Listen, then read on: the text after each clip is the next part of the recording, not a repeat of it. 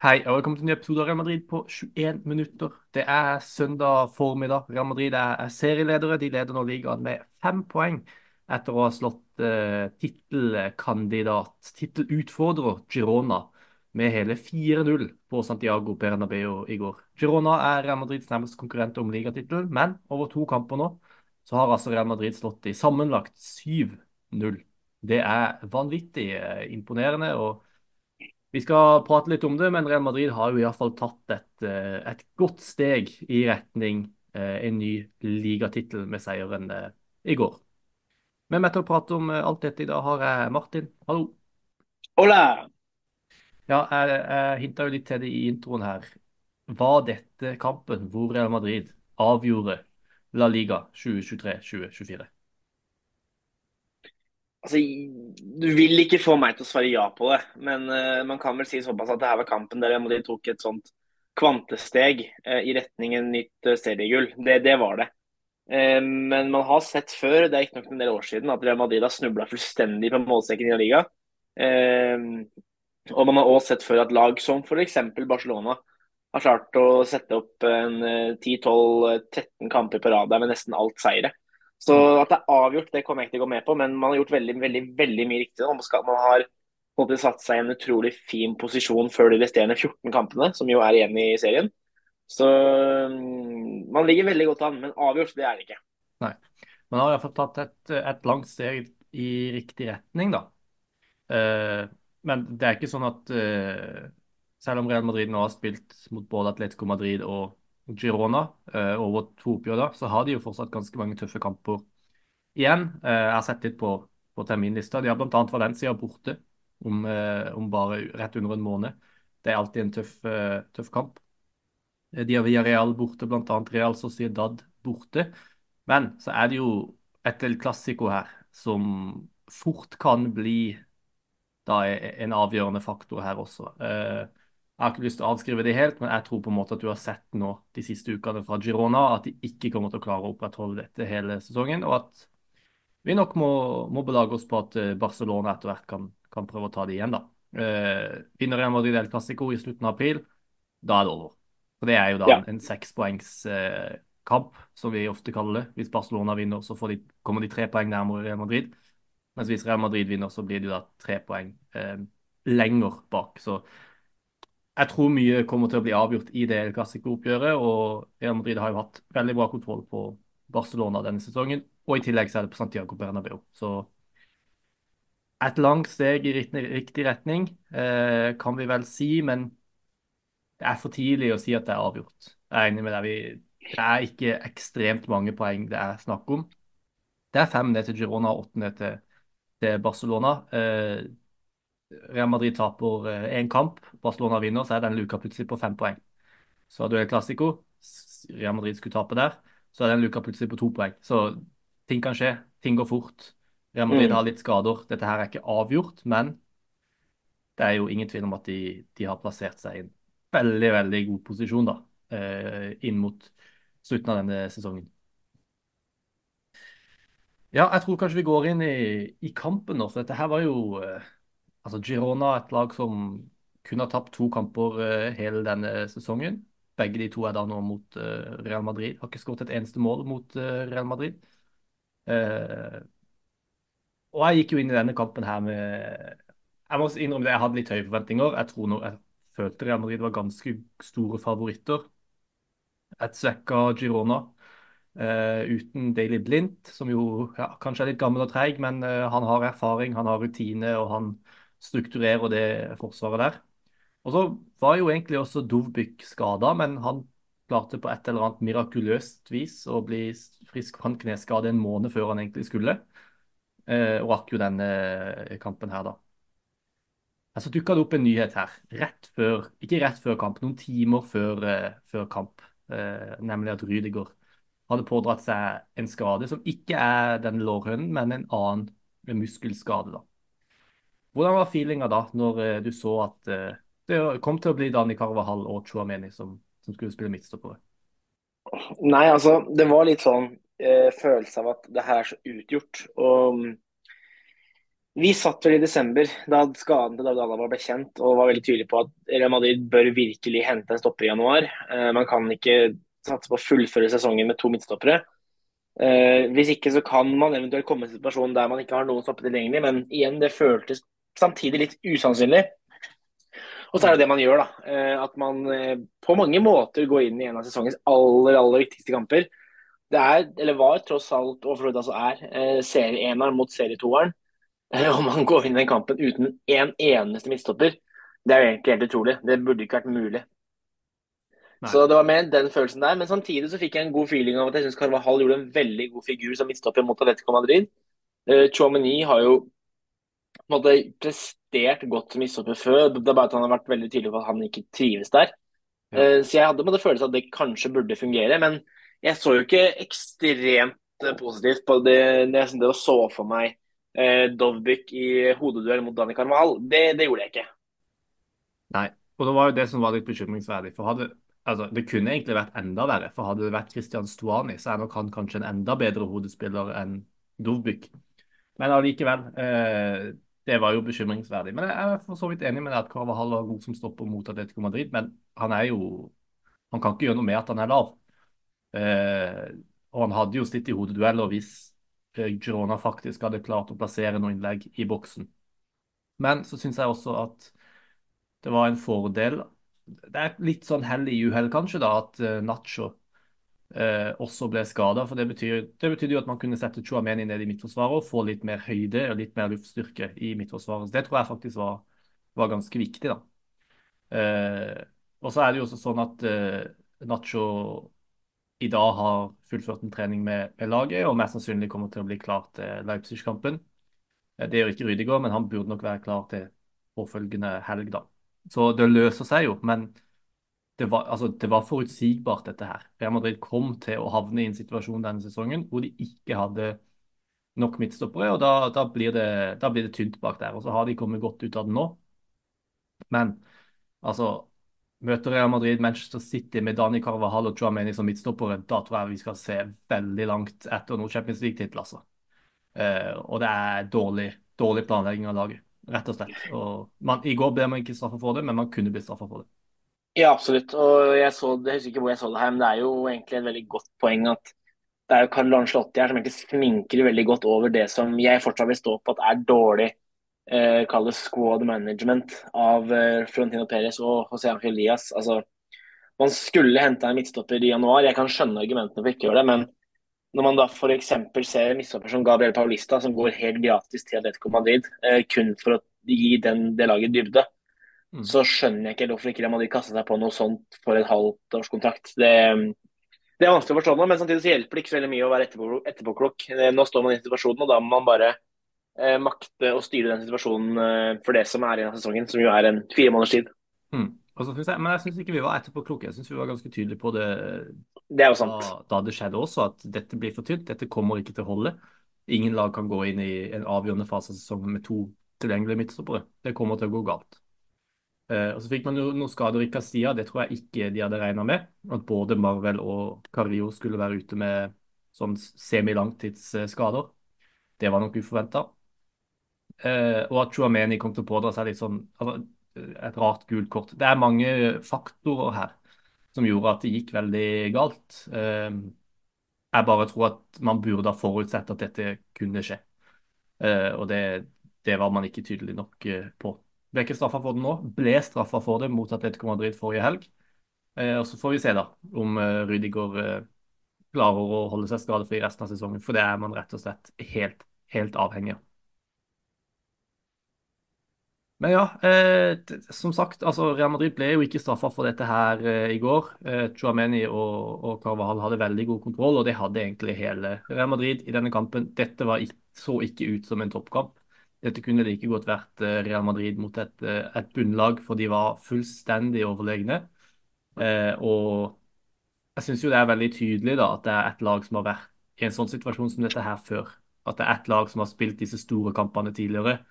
Eh, vet hva dette presset betyr, og som selvfølgelig også da hadde, hadde fansen i ryggen på et av de mektigste stadionene i, i hele verden. og ja, det var, det var aldri noe tvil om hvor denne her kampen kom til å gå fra første spark på ballen. Fullstendig kontroll. eh, og ja, en, en av de beste kampene Real Madrid har spilt i år, eller? Ja, det vil jeg absolutt si. Og eh, hva var det Carlo Ancelotti skrev på posten handla ut? Det var noe sånt som den beste kampen til det beste tidspunktet. Og det var litt sånn for å Ja, fordi nå sitter vi her og Real Madrid vant i går, og ting er egentlig ganske rolig. Og er sånn, ja, nei, det her forventa vi. Men se for deg om Girona skulle vunnet på Santiago Bernabeu i går. Da hadde jo kaoset eh, vært fullstendig i gang. Ja. Så jeg syns de gjorde en ekstremt god kamp, og en veldig sånn seriøs kamp. Man var veldig tydelig på at man behandla Girona som det topplaget de har vist seg å være. Og ikke som det bunnlaget de kanskje strengt tatt burde være, med tanke på ressurser og historie. Og, og det står det en, en stor del respekt av. For det er ofte det de har slitt med før, er jo at man ender opp med å undervurdere lag, spesielt når de kommer til Santiago Bernabeu, og så får man seg gjerne på tygga. Men uh, de imponerte meg stort, stort i går. Ja, absolutt. Uh, fullstendig kontroll. Uh, vi så jo denne her kampen på O'Learys med, med mange Real Madrid-supportere bl.a., men også Jonas Giæver fra La Liga Loca. og han han bare satt der gjennom hele kampen og var helt sånn fra seg av begeistring for Tony Cross, som bare tok kontroll over denne kampen og spredte 50-meterspasninger fra den ene sida til den andre sida. Det er liksom de tingene som et lag som Girona ikke kan gjøre. Det er grunnen til at Real Madrid har vært så gode, har vunnet så mange viktige kamper, fordi at de har ro. Uh, han sa det at uh, jeg tror uh, Han sa at han følte at han ble mer stressa når Tony Cross spilte fotball, enn det Tony Cross blir selv. Eh, og, og, det tror jeg nok stemmer. Eh, Tony Cross hadde altså en, en pasningstreffsikkerhet på 98% i går. Han bomma på én pasning i hele kampen. Eh, og han er bare en, en helt vanvittig sentralspiller for Real Madrid. Og det tomrommet etter han kommer til å bli stort man skal prøve å fylle det om noen, om noen sesonger. Fantastisk kamp av, av Tony Cross. Men jeg hadde egentlig lyst til å starte med en annen spiller. og så bare er jo jeg jeg er jo begeistra for Tony Cross, det har jeg aldri lagt skjul på. Jeg har et svakt punkt for han, så da ble han det første spilleren jeg prata om. Men vi, vi, må jo inn på Venicius Junior. Uh, det første målet er bare et sånn øyeblikk hvor man tenker Venicius er en superstjerne. Venicius er en Cristiano Ronaldo-figur. Uh, han er ikke like god som Cristiano Ronaldo, misforstå meg rett, men han har den auraen av OK, eh, nå skal jeg bare ta denne ballen og bare smelle den i krysset fra 25 meter i en helt avgjørende La Liga-kamp. Han har det i seg. Mm. Eh, og så går det litt opp og ned med han, mer kanskje enn det gjør med andre superstjerner. Men på sitt beste når han er i form, så er han kanskje verdens beste fotballspiller, og, og det var han i går. Første skåring er fantastisk. Den pasninga til Jude Bellingham på 2-0 er magisk. Og så får han jo også en sånn, ja, skal vi kalle det hockeyassist til, til Bellingham på, på 3-0-skåringa. Hvor imponert var du over uh, Venicius Junior i går? Og, eh, bare for å legge til, Ancelotti sa jo etter, etter kampen i pressekonferansen at han mente at Venicius Junior er verdens beste spiller. Så mm. hva syns du om uh, Venicius i går, og, og, om det Ancelotti sa da? Nei, altså, Den kampen til Venicius i går er en av de beste kampene jeg har sett han av han i Real Madrid. Og det var en sånn kamp hvor han kom seg liksom virkelig i flyten. da. Og Det var ikke flyt som i form av at absolutt alt han prøvde på, fungerte, selv om det ikke var langt unna. Men altså, det var bare helt umulig å stoppe han. Uh, og det har nok også litt sånn har Vi har snakka mye om det før, det, Real Madrid blir veldig avhengig av å angripe på sin venstre side. Det er man ikke like avhengig nå, eh, når man spiller på en litt mer dynamisk måte. og Det gjør jo at, at Venicius får litt mer sånn frihet, fordi det blir ikke like stakkato på den venstresiden. Og det syns jeg man så veldig godt i går. for Det var sånn, det er jo fortsatt der at hvis man er en knipe Hvis Tony Cross merker at oi, jeg har litt dårlig tid om ballen, så kan han jo bare lempe ballen i bakrommet på, på venstresiden, og så vet han at Venicius starter. Men mm. det er en sånn rytme, en sånn dynamikk i hele spillet, hele flyten der, som jeg syns var mektig mektig imponerende i går. Og uh, Venicius hadde en helt enormt god kamp i år. Jeg syns det er vanskelig å sette ord på det og, og egentlig pinpointe nøyaktig hva han går på. For jeg syns han var god på egentlig absolutt alt. Eh, så nei, jeg tar egentlig av meg hatten og nær sagt bøyer meg støvet for den kampen i går, for det var, det var intet annet enn stor, stor, stor idrett. Nei, fantastisk, fantastisk kamp. Uh, selvtilliten er der.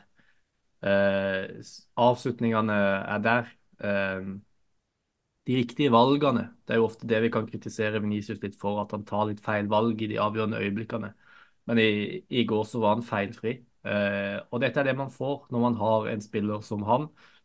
Da får man verdensklasseprestasjoner. Og han har fått litt kritikk denne sesongen for å være eh, for å være litt ute av form, for å ha vært en del skada, brukt litt tid på å komme seg tilbake i form. Men hvis du har han i disse kampene, i disse øyeblikkene her, så er han bare helt, helt fantastisk og en avgjørende spiller for, for Real Madrid. Og om han er verdens beste spiller, som Ancelotti sier, det vet jeg kanskje ikke helt. Men at han på en måte er blant de beste spillerne i verden som kan ta kamper eh, og avgjøre de på egen hånd, som er liksom denne her superstar auraen som jeg prater om, at han har den, det er det ikke noe tvil om. Mm. Uh, og det uh, Ja. Det bare utstrålte han på en, en, helt fantastisk måte i går. Men han var jo heller ikke den eneste som skårte mål. Det gjorde også Real Madrids andre superstjerne, Jude Bellingham. Uh, skårte to mål. Den, det siste målet var, må man jo kunne si var det enkle slaget, hvor han bare plasserte ballen over linja på åpent mål. Men allikevel en, nok en fantastisk prestasjon av Jude Bellingham. Skåret sitt sjuende mål for sesongen i går i alle turneringer. Det er helt, helt sprøtt. Hva syns du om Jude Bellinghams eh, prestasjon eh, i går? Og ja, egentlig bare det at han har sju mål i seg sjøl, er jo bare helt sprøtt. Ja, så Han er jo ett mål unna å bli tidenes mestskårende engelskmann i La Madrid-historien. Det, det, er ganske sykt. I går tangerte han David Beckham og Laurie Cunningham, og det er, eh, det er helt utrolig, rett og slett. Jeg, altså, jeg ble sittende og tenke der under kampen at oi, dag, nå er det lenge siden Bellingham har scora. Det følte jeg. Uh, men så syns jeg på at han spilte veldig sånn likt som før. og Det er liksom noen øyeblikks magi som gjør at han får de skåringene sine. Men det jeg måtte nesten mest trekke fram i går, og det blir jo egentlig hektede på den, den uh, snakken vi hadde om Vinicius Junior, det er jo den dynamikken de to imellom. Hvordan Vinicius alltid finner Jude Bellingham, hvordan Bellingham alltid finner Vinny, hvordan de søker hverandre, hvordan de virker nær seg til å bli bestevenner ute på banen der. Også utenfor banen, for det er jo ganske stor nøkkel til det hele. Det syns jeg er veldig veldig fascinerende. Uh, og, og, Bellingham Jeg, jeg bet meg veldig merke i starten i går at han satte virkelig sånn, han satte terskelen for presset. Adrian André skulle virkelig presse Girona nær seg til senk. Uh, og det er nok noe vi kanskje ikke har snakka veldig mye om i i spillet til Bellingham, er hvor god han egentlig er i førstepresset. For der var han veldig veldig god i går også. Det syns jeg har vært god veldig lenge. og Det har jo også noe med den rollen han har fått. Han er en falsk nier, kall hva du vil. At han må liksom sette i standard der i den tid Rodrigo og Venicius blir liggende litt ute mot kantene. Så nei, ny veldig, veldig veldig god kamp av Bellingham i går. Og så er det jo selvfølgelig leit da, at han får seg en liten skade og er ute nå i en uh, to-tre ukers tid. Det, jo, det, passer jo aldri bra, men nå går man i en periode hvor Champions League er tilbake, og man skal spille flere som du var inne på, tøffe kamper. altså Mestaja-venter, og litt sånne ting. Så det, det er selvfølgelig dumt. Men sist gang de var uten Drew Bellingham, så klarte man seg overraskende fint når Brahim Diaz kom inn. og Vi har jo snakka om at vi syns Brahim Diaz kanskje får enda litt mer tid, så kanskje det er det vi skal få se. Ja, det var egentlig neste jeg hadde tenkt å si her, at uh, som du sier, så trykka jo Jude Bellingham ikke trykka over, han, han forstua ankelen i går. Uh, ikke bare én gang, men to ganger på samme ankel. Det ser ikke bra ut. Eh, to til tre uker, eh, sier du. Jeg står tre til fire uker, og så får vi se hvor lenge det faktisk blir. Det som er så, med sånne ankelskader som dette her, er at man kan jo på en måte ikke forverre det av å spille. Eh, så her er det jo rett og slett bare å kontrollere smerter. Det er smertene hans sine som, som, avgjør når han kan begynne å spille igjen. Mm. Men jeg tenker også at hvis du får stua samme ankelen to ganger i en kamp, da har du vondt ganske lenge. altså. Eh, så Men jeg syns jo også en annen ting som er litt bekymringsverdig her, er jo for det første at dette er Han gjorde det to ganger på én kamp på samme ankel. Det er et dårlig tegn. Men jeg vet ikke om du husker tidligere i sesongen, så sto han akkurat samme ankel. Eh, på lignende vis. Og eh, leddbånd i ankelen de heles ikke på Altså i noen grad i det hele tatt. Hvis de blir slakkere og slakkere, så blir, blir ankelen svakere og svakere. Eh, og det er derfor eh, mange i hvert fall sånne amatørspillere rett og slett må slutte å spille fotball fordi at de trykker over og trykker over og trykker over til, til leddbåndene i ankelen ikke lenger har nok støtte. da. Og det er litt bekymringsverdig når eh, Bellingham har gjort det tre ganger på samme ankel denne sesongen, og to ganger i går. Jeg sier ikke at vi har et problem med, nei, med, med Bellinghams ankler, men jeg syns vi må begynne å følge litt med på det. altså. For det kan, det kan være ganske, ganske alvorlig.